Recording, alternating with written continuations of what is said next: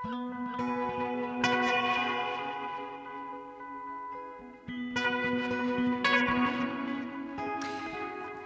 sæl og blessuð og gleðilega hátíð. Við sjá helsar ágættu hlustendur mánudaginn 20. og 8. desember. Fáir dagar eftir af þessu ári 2020 og eflust margir sem að fagna því en þótt þetta ár hafi sannarlega verið slæmt þá er nákvæmlega ekkert sem segir að það næsta get ekki orðið hálfu verra en við skulum fyrir allamuni ekkert velja lengi við þá hugsun. Við ætlum í viðsjá í dag meðal annars að huga að mjög merkilegri bók sem kom út nú fyrir jólinn og greinir frá merkilegum sögulegum atbyrði sem átti sér stað árið 1627 nána tiltekið um sumarið og geymir sömuleiðis mjög merkilega ferðasögu. Reysubók sér að Ólafs Egilsonar í ofanleiti í Vestmanneum, hún var endur útgefin nú fyrir jól. Engar glæsilega vil ég lefa mér að segja. Sér að Ólafur var herrtekinn í Tyrkjaráninu í Vestmanægjum árið 1627 og fluttur á samt konu og tveimur börnum til Algeirsborgar. Ólafur lýsir í einstakri frásöksinni þessum mjög svo sögulega og sérstaka viðburði og segir um leið ferðasögu sína en Ólafur fór víða Veturinn 1627 til 1628 meðal annars til Þískalands, Ítalíu, Fraklands, Hollands og Danmerkur. Reysubókin kemur nú út í nýri glæsilegri útgáfu Sæmundar og sögu setursins í Vestmannaeyjum. Útgáfuna önnuðst þeir Kári Bjarnason, forstuðumadur Sapnahús Vestmannaeyja og áðurnemdur Már Jónsson, profesor í Sakfræði. En bókin hefur einnig að geima aðra teksta um Tyrkjaránið og sömulegis mjög fróðleg og ítarleg ingangsorð. Meira um þetta allt saman hér rétt á eftir. Arljótur Sigursson, hann fjallar í tónlistarpistli sínum undir yfirskriftinni Heyrandi nær um valsin en eh, undir léttúð vínar valsana má í hliðarsporunum finna drunga og sorg að mati Arljótar því stundum eru valsarnir heldur svartir. Og Ólaf Gerður Sigfúsdóttir, hún horfir í dag tilbaka og skoðar hvaða viðfangsefni hafa verið efst á baui hjá myndlistarmönnum þetta árið. Einnig ætlar hún að velta fyrir sér eh, því hvaða áhrif faraldurinn muni hafa á starfsemi sapna og síningarstaða sem og hegðun menningar njótenda. En við byrjum á blóð, hundum, bleikum, kameldýrum, satans, þjónum, blóðmorðingjum, stórmerkilegum, sögulegum atbyrði og sömulegis mjög merkilegri bók sem er sannarlega gömul en er nú skindilega orðin splungu ný.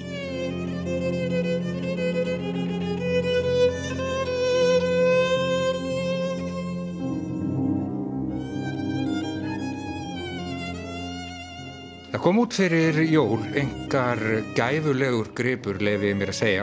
Þetta er um, gömulbók, reysubók, Ólafs, Egilsonar, um, saga af Tyrkjaráni og já, sagan af því þegar sér að Ólafur í ofanleiti í vestmannegjum var herrleitur.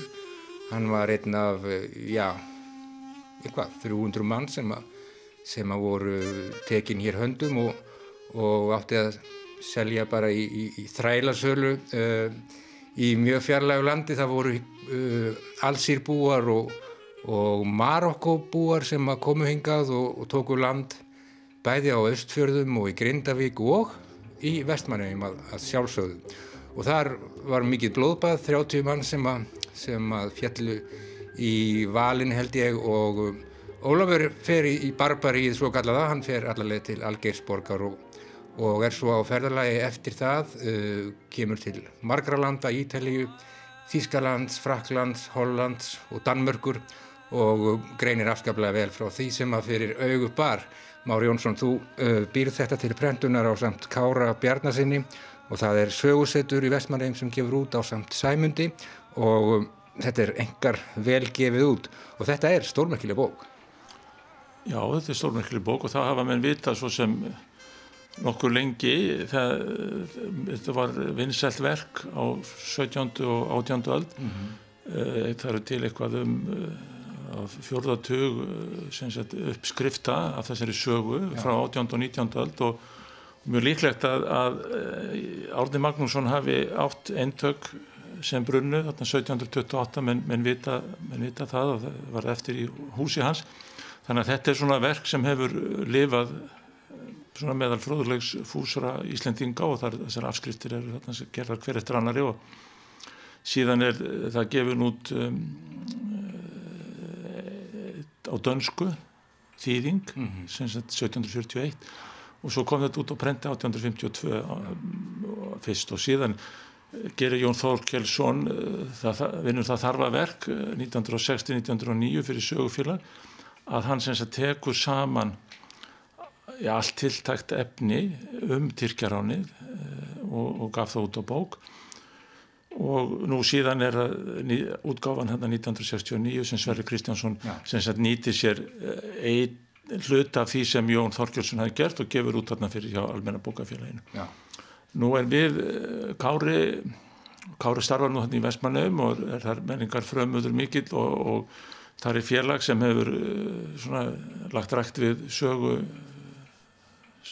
eigarinnar mm -hmm. heima eigar og og, og með síningu hérna, mjög fína síningu í safnahúsinu sem hefur staðið nokkur ár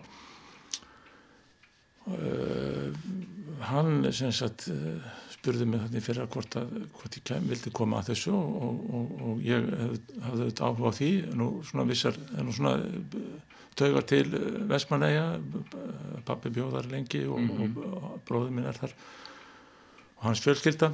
Þannig að ég geri hvað sem hægt er fyrir sagt, til þess að, að svona ebla þekkingu á, á, á sögu eigarinnar og það, eigana og það semst að þannig að þá var þetta nú svona byrjað komið á stað og, og ég semst kom inn í þetta og, og við gengum frá þessu semst núna í eh, vetur.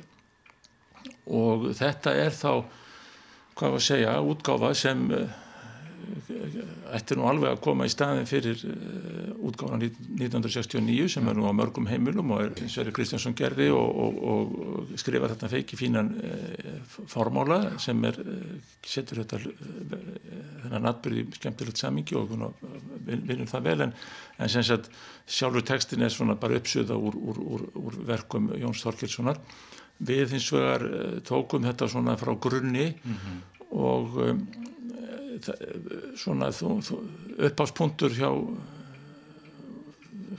Kára var handrit sem eh, er í ásaflinu í skóum sem, sem uh, var sem sagt lagt á til grundvallar og reyndist bara að vera hið merkasta verk frá lokum átjöndu aldar og tröstu teksti og góður og önnur gerð sagt, sögu sér að Ólafs er, eftir því. Og það virðist vera sagt, þegar maður fer að lesa þessi handrit og bera þau saman að þá er, svona, er eins og sér að Ólafur sem kemur þarna heim vorið, sömarið 1628 og auðvitað hefur nú bara verið maður ársins á þeim tíma að, að kemur það núr þessu endur heimtur fyrstur allra sendur til þess að abla fjár hjá konungi til þess að væri hægt að kaupa fólk laust, Já. kemur síðan hinga heim og, og til Vestmanneja fyrst og hitti síðan biskup og all, all fyrirmenni í skálhaldi og viðar og síðan veturinn eftir er ekki engar nákvæma dagsningar en svona það svona það sem við gerum okkur í hugarund þá skrifar hann þetta verk og viðist, hann viðist að hafa gert það sjálfur á minnstakostu tvísvar þannig að það liggja svona ja. tvær og svona ekki ólíkar en svona ekki, ekki samt eins gerðir af þessum texta önnur er svona aðeins, aðeins veglegri, virðurlegri með, með kaplafyrirsögnum og hinn svona eins og fyrsta uppkast og síðan einhvers konar hreinrið með viðbótum ja. og einhverju sleft þannig að þetta liggur fyrir þarna 1628-29 eh, og dreifist síðan. Og við gefum sem sagt báðar þessar eh, gerðir út. Mm -hmm. og uh, þar sem hann sem sagt lýsir fyrst um, atbyrðum í eigum þegar hann var tekinn sjálfur og og er þarna gemdur og kona hans ástyrður Þorstinsdóttir þá kassólétt Skelvilegt blóðbað. Með fyrir lítil börn mikið trillingur sem hann reyndar sá nú minnst af því að þau voru gemt þarna, fólk var reitt þarna niður í, og sett inn í kaupmannshús og, og, og meðan að, að þessir þessi ræningar, nokkur hundru manns á, á, á tveimur skipum vaða þarna um og koma, komast þarna svona, hvað sé að, unnum baktirnar mm -hmm á ranningjatonga og auðvitað bara flæða þarna yfir og þessu líst náttúrulega, það voru menn þarna sem sluppu og komist upp í kletta og, og það er kannski reyn, raun að mest að förða hvað hann segir lítið um þetta með að við hvað hann, hann, hann vissir sko, hann er náttúrulega með þessu fólki á skipi og í Algersborg í nokkra vikur og eftir Já. en Kallar innrásum menn blóðhunda? Já, já, já, já, minna þetta þetta, þetta, þetta er náttúrulega þeir öskruðu og æftu og voru þungvopnaðir og, og auðvitað menn gátt ekki varist. Það er engar varnir þarna þannig að fólk er, fólk er bara smala þarna eins og, og söðfjö og, og nokkri drefnir í leðinni menn báðust vægðar eins og sér Ólafur baðst vægðar fyrir sig og sína konu sem var kassólett og, og það þýtti ekki neitt. Egnaðis barnum borð bara? Egnaðis barnum um, um, um borð í, í, í skipinu og leðinni söður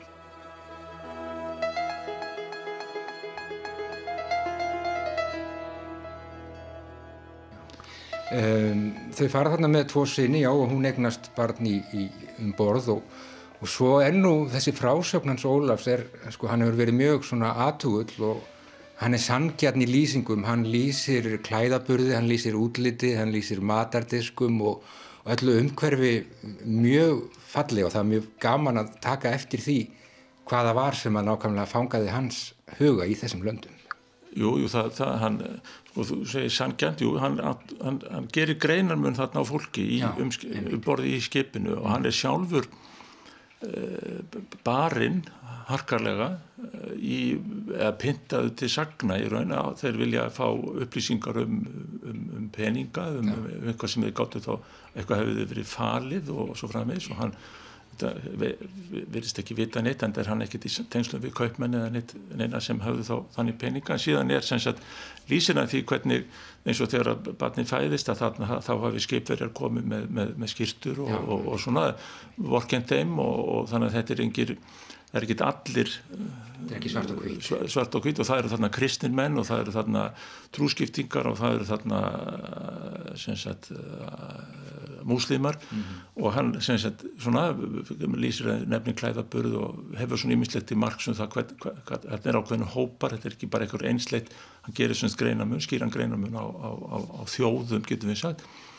Nú og í Algersborg þá er hann þarna, þeir lýsir þarna þessari þrælasölu og, mm. og eftir því sem svona Þorstein Helgason sem hefur nú rannsakað Tyrkjaráni manna mest skrifaði doktorsréttgerðum um það einmitt og, og gaf út þarna fyrna góða bók á ennsku fyrir fáinum árum eða upp úr, upp úr því verki eða að þessar lýsingar hans sem sá þrælasölunu séu eru alveg fullu samræmi við og eru að auka við það sem menn vissu fyrir um, um sagt, aðstæður þarna í Algersborg sem er náttúrulega stórborg á, á þess tíma mælkvarða þetta er auðvitað ekkert svona nákvæm einhver mannfræðileg lýsing heldur er þetta svona atrið sem hann, hann, hann svona honum finnst kannski að um, Íslendingar sem lesa þetta munu hafa áhuga á og hann undrast þarna kameldýr og, og, og dverga og ímislegt svona sem Páfuglar og dvergar og bleik kameldýr. Já, ímislegt sem hann hefur svona sem bara rekið upp upp stóra augu en þetta lýsir líka sem þjáningum Íslendinga sem mm. voru þarna hundramanns líklega þarna tekin af östverðum og síðan einhverjur fáinir í Grindavík. Eitthvað af þessu fólki, þetta eru tveir hóparæninga, annars vegar frá Salé í Marokko, það sem er rétt við Rabat og svo hins vegar frá Algersborg og hann svona lýsir þessu svo margir hefur þarna eftir fransku manni að það við 30-40 verið grafnir á þessum Íslendingum.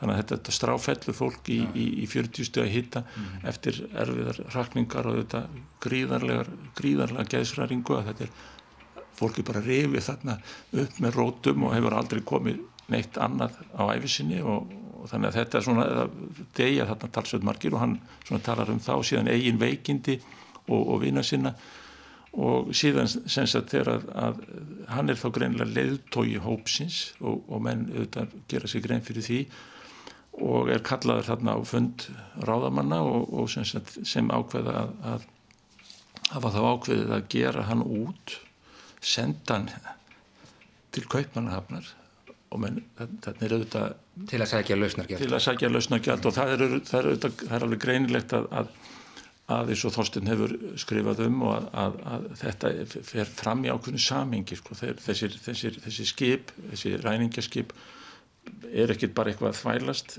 Þau, þetta er í miðju 30 ára stríðinu og menn þessir, þetta eru innanum eru hollendingar og þessum fórsprakkin eins og Þorstin hefur útskilt er, er hollenskur maður sem, sem fær hugmyndina og þeir vita nákvæmlega hvað er að gerast. Þeir vita að, að Kristján Fjörði Danakonungur fór mikinn í upphafi 30 ára stríðsins og allaði sér ímislegt en var þarna varð undan að láta.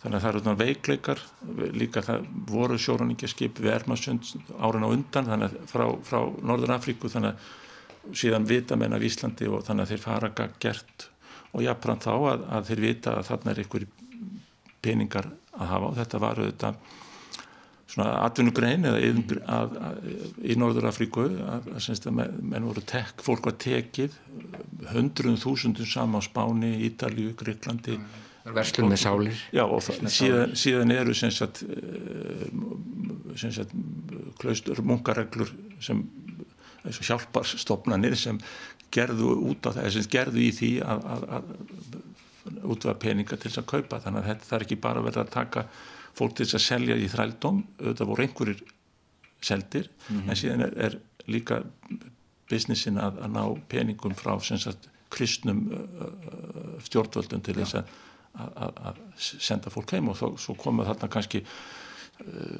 þetta er kannski á sjötta tug manna sem voru, voru leist fyrir hópurinn kemur hérna 1636 meðal hann skuðriður Símanadóttir og síðan einhverju færri nokkurum árum, árum setna Já.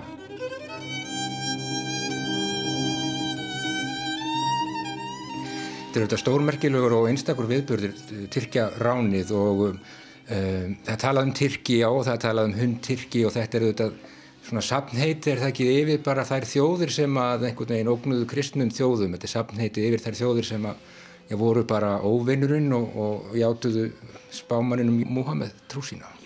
Sko þessi, þessi sjóraníkjaríki sem má segja að kalla sem er, var auðvitað ekki bara sjóraníkjaríki heldur auðvitað höfðu ímsar aðrar stóðir atvinnulífs eh, veiðar og landbúnað og svo ræmis en þarna er semst atvinnugrein sem þróaðist þarna á svona 16.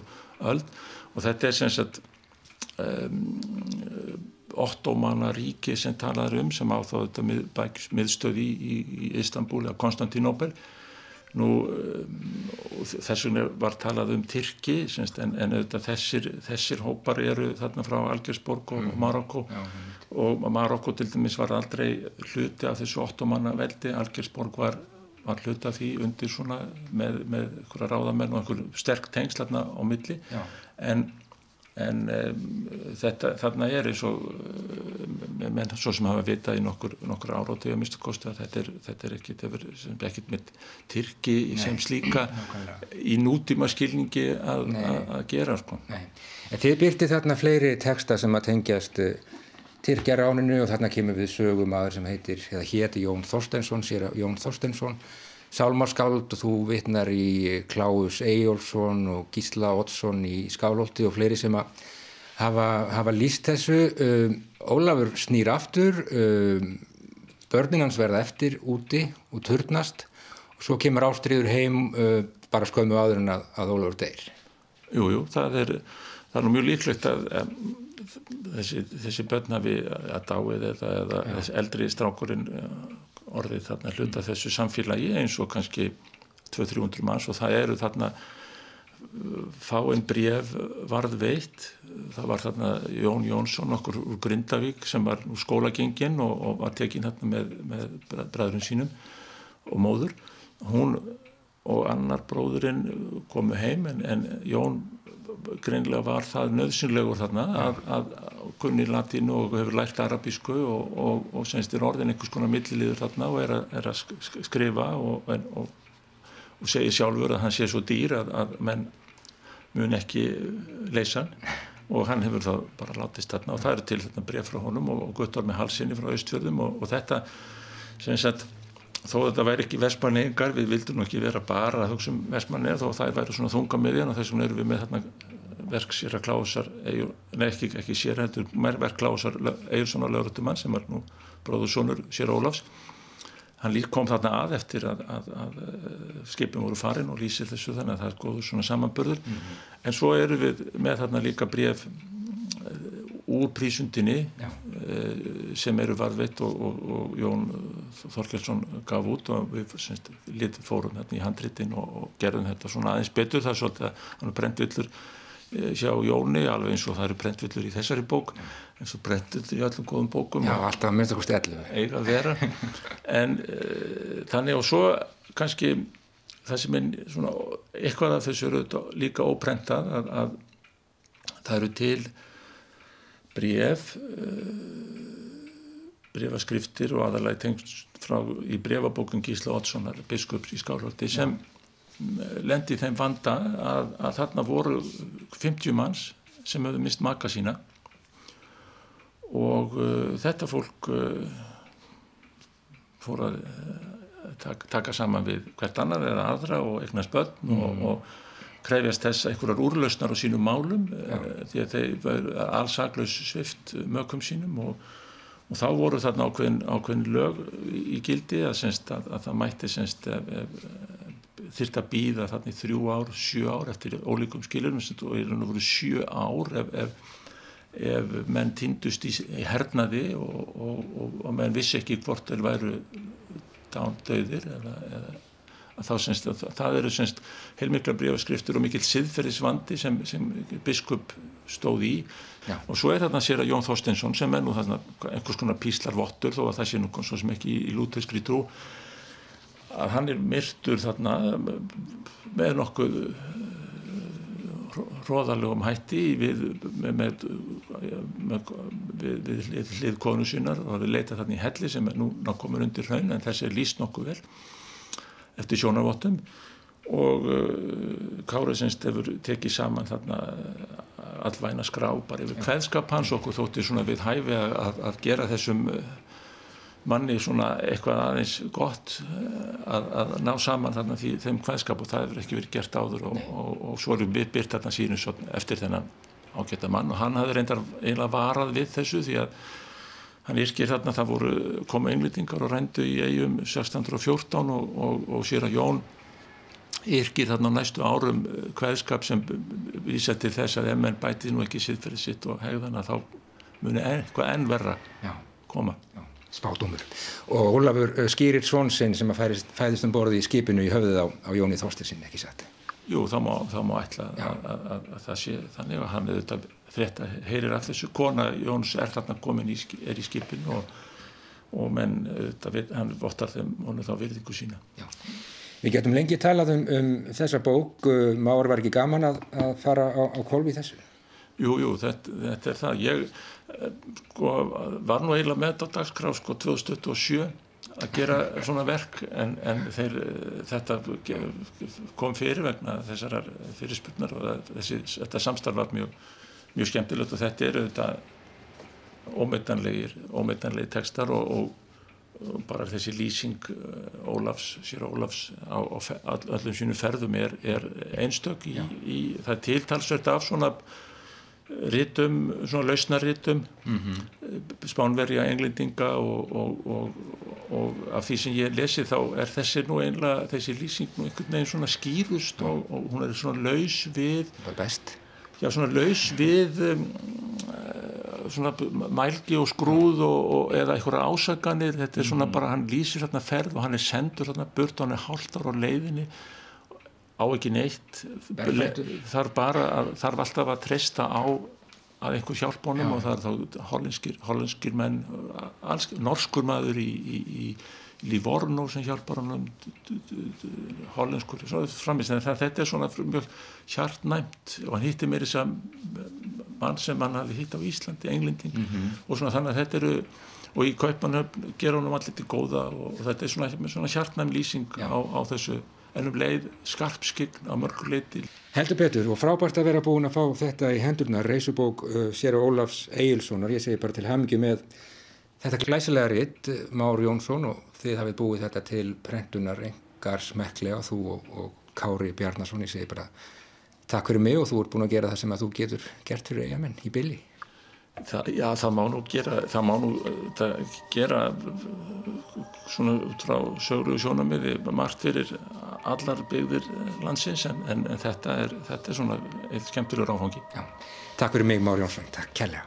Hún rýsur sumar sænum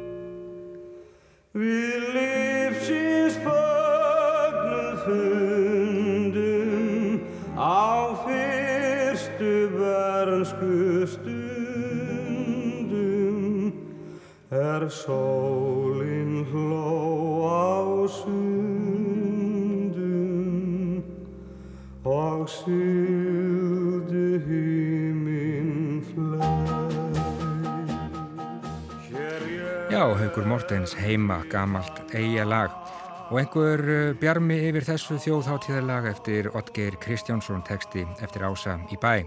Hljóðritað í Kaupmannahöfn árið 1959. Engin í háttíðaskapi út í eigum um miðjan júlimánuð árið 1627 mánudaginn.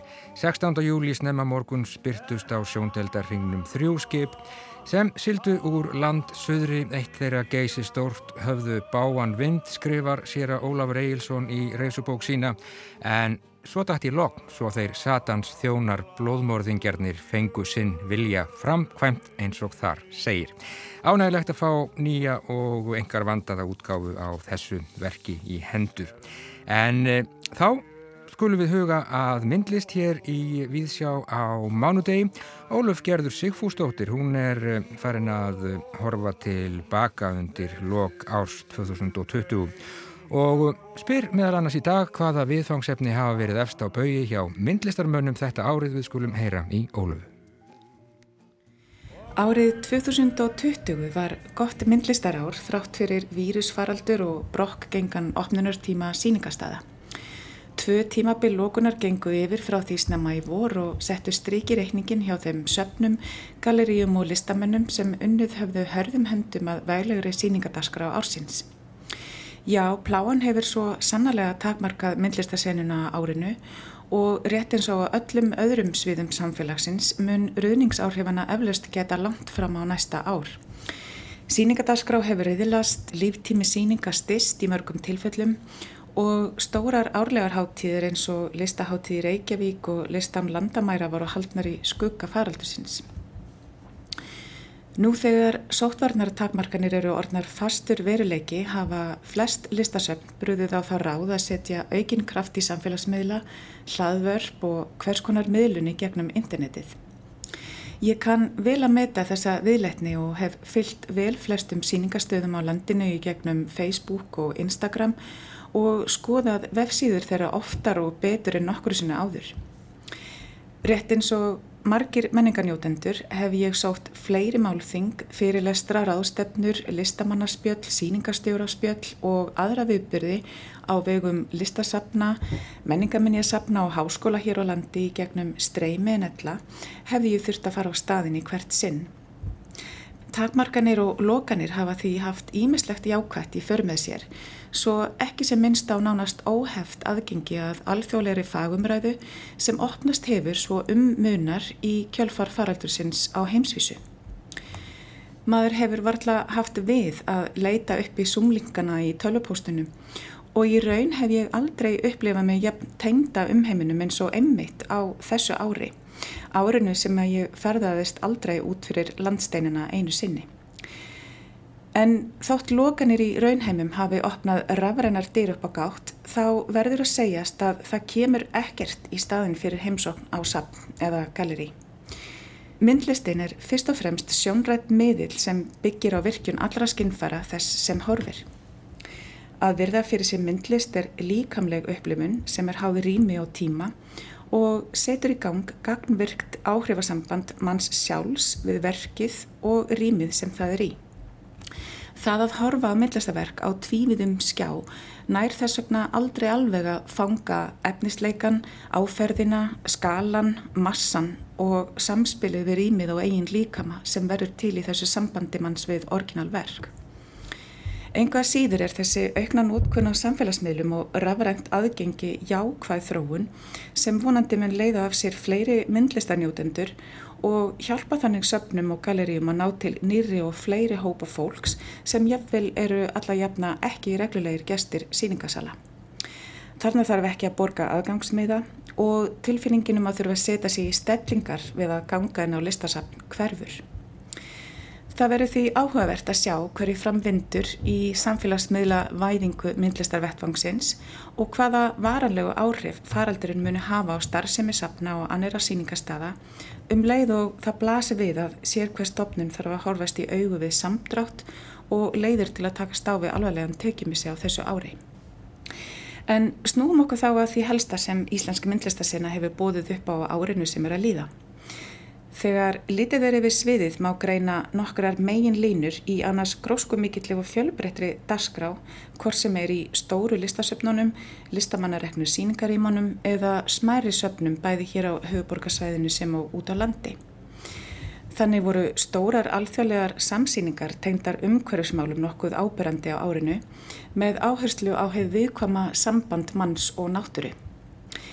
Þannig voru nattræn hlínun og öfgafullar umhverfis og veðurbreytingar viðfóngsefni Norðursins, síningar sem nýveri lauk í listasafni Árurnesinga í síningastjórn Darju Sól Andrús. Á síningunum fjalluðu sex listamenn frá Íslandi, Svíþjóð og Finnlandi um þær breytingar sem að hafa orðið á ásýnd landana við heimskautsbaug Landslægi sem rómaðir fyrir ósnortna fegurð og výðurni en hafa nú orðið fyrir óefturkræfum áhrifum af mannana völdum. Áhugaverðu hlaðvarpi var haldið úti með fram síningunni sem gaf henni frekari dýft, samengi og tilefni til íhugunar og umröðu til viðbútar við verkin sjálf.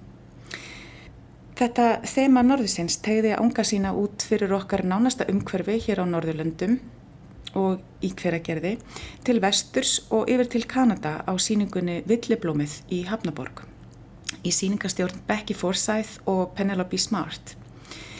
Þær stallur veldu til liðs við sig 11 íslenska og kanadíska listamenn sem beindu sjónum sínum að viðkvæmri stöðu plönturíkisins og margræðum byrtingamyndum jarðargróðurs á Norðurslóðum.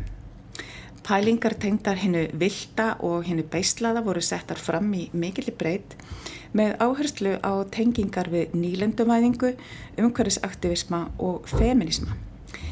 Sýningin var lókuð stóran hluta af síningatímanum og eflaust margir sem mistu af en henni fylgdi einni útgafa með áhugaverðum greinum eftir innlenda og erlenda fræðimenn sem nota má sem uppbót.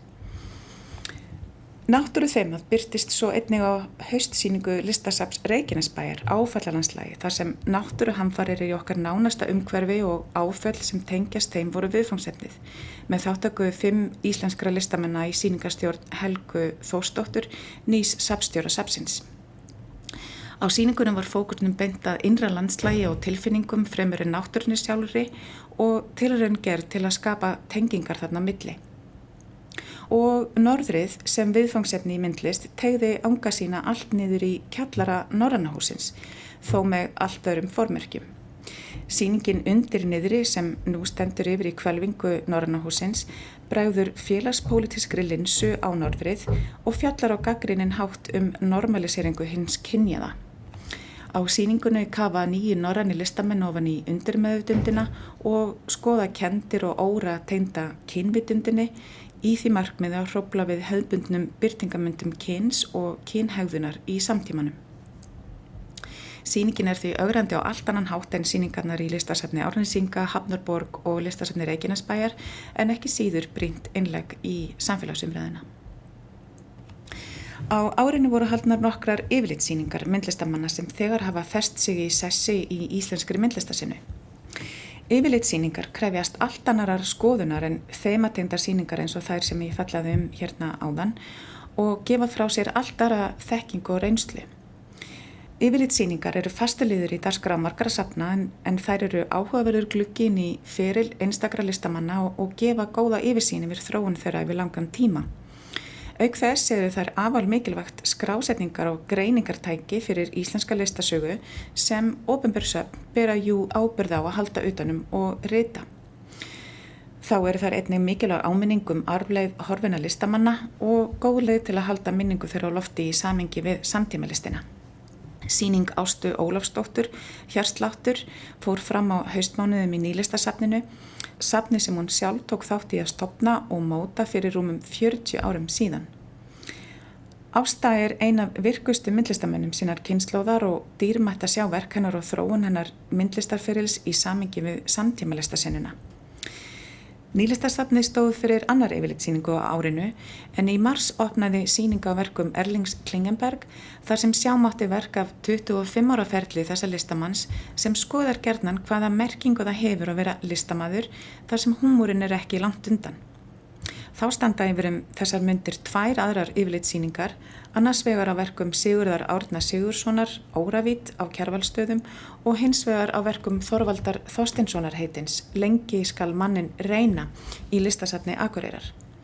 Þá hjælti listasafni Reykjavíkur á Kjærvalstöðum yfirleitsýningu fyrir árinu á verkum Áskerðar Búadóttur, brautriðenda á sviði textilistar hér á landi og síningin var haldin í tilefni af 100 ára ammali Áskerðar og skartaði mörgum af hennar fallegustu og áhugaverustu verkum, auk þess sem safni stóð fyrir málþingi undir yfirskriftinni Samtalum konur, handverk og frjálsa myndlist. Áhrifa áskerðar gætti víðar því síðar á árinu stóð Listasafn Íslands fyrir samsýningunni Listþræðir þar sem verk hennar voru skoðuð í samengi við aðra listamenn sem vinna með textil og vefnaði í sinni listkupun. Sú síning stendur yfir til 24. januar en þá að alþjóðlegum ströymum. Taljast verður til tíðinda að tvær stóra síningar alþjóðlegra listamanna hafa búrist til landsins á þessu ári, báðar á vegum listasaps Reykjavíkur. Þetta var annars vegar síning á verkum bandaríska konceptlistamannsins Sol LeWitt og hins var breska listamannadúosins Gilbert and George. Þetta eru ólíkar síningar. Gilbert and George með sínar spauilegu augranir á borgarlegum hugmyndum um smekk og velsami og Sol LeWitt með sín mínimalísku hugmyndaverk sem hafa haft svo afgerandi áhrif á þróun alþjóðlegar listasögu. Síningar af þessu kaliberi eru afar kærkomin viðbót við íslenska myndlistarsinnu og draga eflaust örlítið úr einangrunnatilfinningunni sem stundum gerir vart við sig í svo litlu menningarheimi sem við búum við hér á landi. Sýning Solveig Witt fannst mér einstaklega áhrifarík og velhæfnuð, sér í lagi samspil vekkverkana við súlur rýminsins og hafnarhúsið yfirleitt og algjörlega frábært að fá tækifæri til að sjá verk þessa merkalistamanns hér í íslensku samingi þá hefur mér fyndist sérstaklega ánægilegt að fylgjast með innslugum teindum síningu Gilbert and George The Great Exhibition þar sem þekktir listamenn segja frá upplifinum sínum af völdum verkum undir yfirskriftinni listaverkið og ég ofta á mjög speilegun og afhjúbandi og persónulegan hátt. Þannig má fá smjörþefina verkunum nú þegar samkoma takmarkinir eru enni gildi þótt síningi sjálf sé opinn til 17. janúar. Ég mæli með að hlustendur kynni sér þessi innslög á vefsíðu sapsins eða Facebook síðu þess tilvalið að melda jólakonfektið yfir þeim. Kæru hlustendur, í þessum pistli hefur fyrst og fremst verið fjallað um stóru línutnar sem byrtast þegar litið þau tilbaka yfir myndlistarárið sem nú er senn á enda. Um leið verður að minnast á öll smærri síningarýmin, litlu galleríin og sjálfsbrotnu vettvangana sem haldið eru uppi vegna ástriðu og óeigingjarnar vinnu þeirra sem að þeim standa. En þetta sambland rótgróina rýma annarsvegar sem reikin eru með reglulegum stuðningi stöndugra bakkjartla eins og sveitarfélaga og ríkis og hins vegar listamannareikina rýma sem háðuru óreglulegum og breyðulum stuðningi ímissa aðila ár frá ári er merkjum heilbrygt myndlistar ástand og mun vonandi ríkja fram á næsta ár þrátt fyrir þá rekstarar erfileika sem faraldurinn hefur þegar orsakað. Um leið og ég þakka myndlistamennum og öðru fáfólki í menningageirunum fyrir erfitt og þrautsegt myndlistarár óska ég hlustendum öllum gleðilegs nýs menningarárs og vonast til að 2021 verði takmarkalust og óheft á öllum sviðum samfélagsins. Já, það vonum við svo sannarlega. Þetta var um, Ólaf Gerður Sigfúsdóttir. Hún var að gera upp myndlistar árið 2020. Gott myndlistar ár þrátt fyrir allt og allt, sagði Ólaf. En um, þá ágætu hlustundur snúum við okkur að allt, allt öðru. Arljótur Sigursson, hann er heyrandi nær hér í Víðsjá á mánudegi við bjóðum hér og nú upp í vals en ekki hvað. Valsinn á sér um 270 ára sögu sem eiginlegur dans. Bæjarar í Þýskalandi áttu meðal annara upptökin að þessum dansbórum og þótti annars mjög djarfur stíl ef eitthvað var, en það manna siða viðmiðin eilitið strángari þá á dögum. Almenningur hefur sannarlega tekið þennan dans upp á arma sína og haldið fast í hann og ekki enn sleft tökunum. Þessi nánasnerting og snúningur dáleiðir hverja kynnslóð á fætur annari og meðan pörin veltast um salin verður allt sem í bakgrunni er að ringulreið og eini fastinn í auksín dansarans er þá dansfélagin sjálfur og verður þá líkt og ekkert annað skiptið máli. Vals er einnig íðorðið yfir svarta, sívalningslega keplið sem finna má í reitvilum og prentverkstæðum, þá með handfangi, notað sem valdari yfir svo kalladar prentklísjur smurðar málingu. Valsin er einmitt orðsýfjafræðilega skildur veldu og valdara. Að valsa þýðir í raun að snúast eða velta. Nóum það. Flestir þekkja til strás og vínarvalsana sem er löngu orðin fasti og þjóðarstolt Austuríkis og nánast orðið samheiti yfir léttuðulega hástéttar gleði á bökkum bláu dónár. Þó valsin eigi upptök sín meðal óhefladra bænda og þótti þá fyrstum sinn mun meira ekkjandi og kekkjandi og þótti þá víða ósiðsamlegur. Þessi þrýstígandi dans var fyrir en varði orðin útbreyttur víða um heim og nýjar kynnslóðir komu í heiminn sem ólust upp við það að fátt væri eðlilegra en að stíga hann en það sennilegt að margir fóreldrana hafi ymmit átt fyrsta kossin í nándinni sem skapaðist við danssporið. Óperettan Káta Ekjan sló í gegn á sínum tíma í veröldinni sem var Vínarborg um þar síðustu aldamót. 30. desember árið 1905 var Die Lustige Vidve eins og hún heitir á frummálinu frumsýnd við harmakvein gaggreinenda en mikla gleði áhörunda og fimm árum síðar hafði hún verið sínd yfir 18.000 sinnum í tíu löndum. Svo rataði hún inn á breyðvang söngleikjana Broadway í New York borg. Pislahöfundur getur svo talið að minnstakosti fjórar uppsetningar hér á landi í Reykjavík og Akureyri allt frá árinu 1956 til dagsins í dag og hefur leik og söngtekstin verið þýttur yfir á íslensku. Í stöttu máli fjallar óperettan um hérað á barmi gjaldþróts sem á ekki við því að missa auðæfi ríkrar ekki þar búandi ef takast skildu ástir með henni og utan bæjarmanni. Líbrettóið sömdu þeir Viktor León og Leo Stein en músíkina skóp tónskáldið Frans Lehár. En þekktasta stefið í óperettunni er sennilega hinn viðfrægi Vals Kátu Ekkjunar.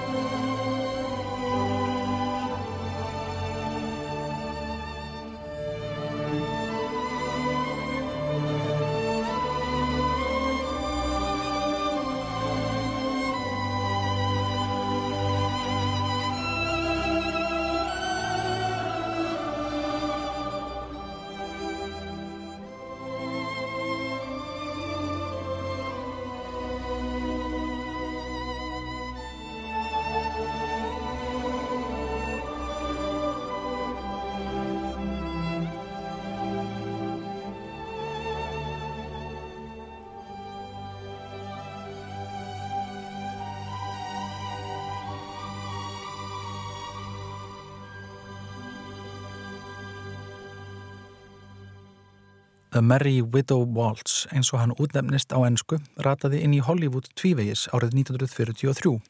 Annars vegar í kvikmyndina Heaven Can Wait og hins vegar, vel að merkja, í hennar stórgóðu kvikmynd Shadow of a Doubt eftir Alfred Hitchcock. Þar leikur Joseph Cotton raðmörðingja sem leggst á gamlar ríkar ekkjur. Dagblöðin uppnefna hann því The Merry Widow Murderer. Þið kæruleysa valsastef kátu ekkunar svífur svo þar yfir vötnum en ólíkt óperettunni verða hughrifin öllu frekar eins og dansað sé við drauga fornalampana eða ég vil djöfulinn sjálfan í fölu túnskinni. Dans hefur nefnilega oft verið tengdur við þið neðra, bannaður af kirkjunni um áraraðir og fræguru örlög fólksins sem hætti ekki að dansa í þjóðsögunni um dansin í hruna. Dans færir fólk saman með snertingu í takt við tónlist og í þessum svimandi velding um dansskólið geta tekist ástir með danspörunum. Því skulum við næst hlusta á hinn trega fulla vals, kendan við fylkið Tennessee og hveti áherindur að hlýða vel á textan í þessu fallega lægi í flutningi hjónakornanna hæfileikaríku Les Paul og Mary Ford.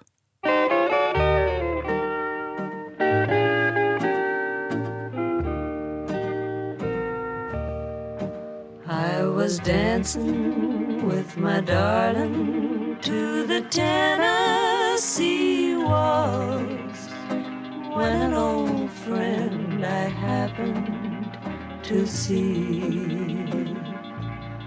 I introduced her to my loved one, and while they were dancing, my friend stole my sweetheart from me.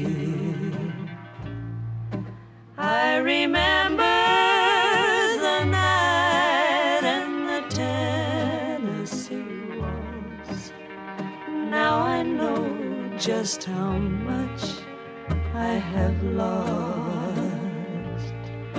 Yes, I lost my little darling the night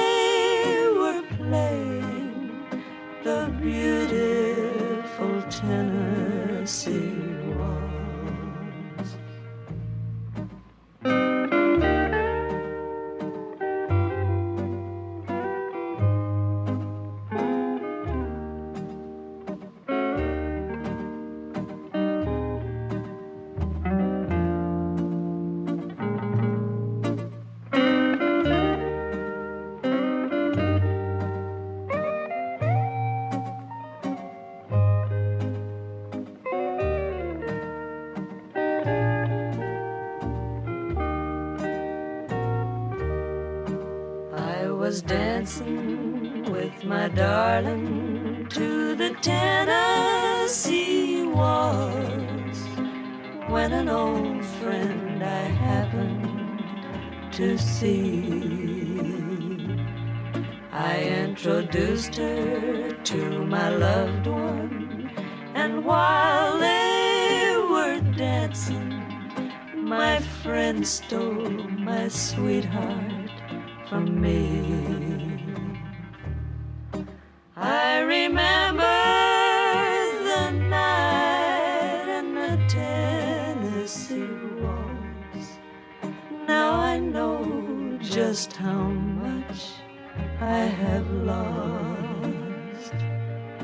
Yes, I lost my little darling the night they were playing the beautiful Tennessee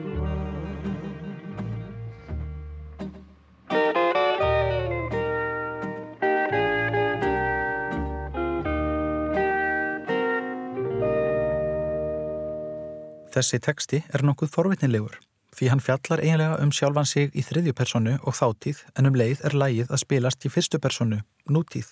Það skapar einhverja skrítna og dölarfulla tókstreitu í þessum sorgarsöng tíndrar ástar en það gallin á gjöf njarðar að dansinn býr til elskendur sama hver á í hlut.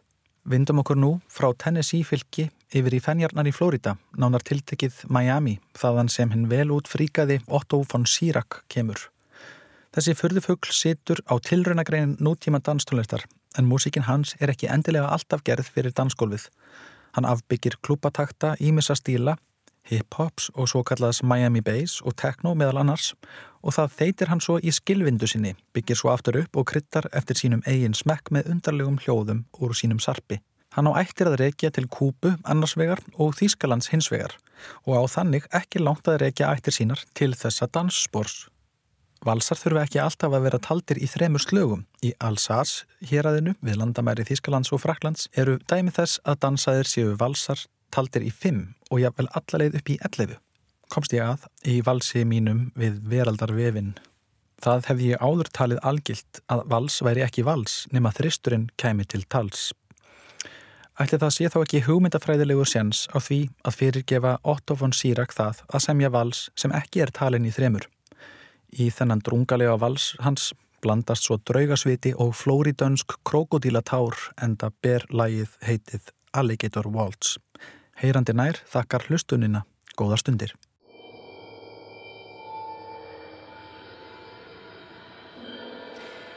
Já, Arljótur Sigursson í tónlistarhórninu Heyrandi nær. Drungalegir valsar, draugasviti og flóridönsk krokodílatár og sitt hvað fleira hjá honum í dag. Og svo náttúrulega ljúka við sjá í dag á getur hlustendur teknimaður í þessari útsendingu var Úlfildur Eisteinsdóttir. Við sjá hér aftur á sínum stað löst eftir klukkan fjögur á morgun. Takk kærlega fyrir samfélgina í dag. Verið sæl.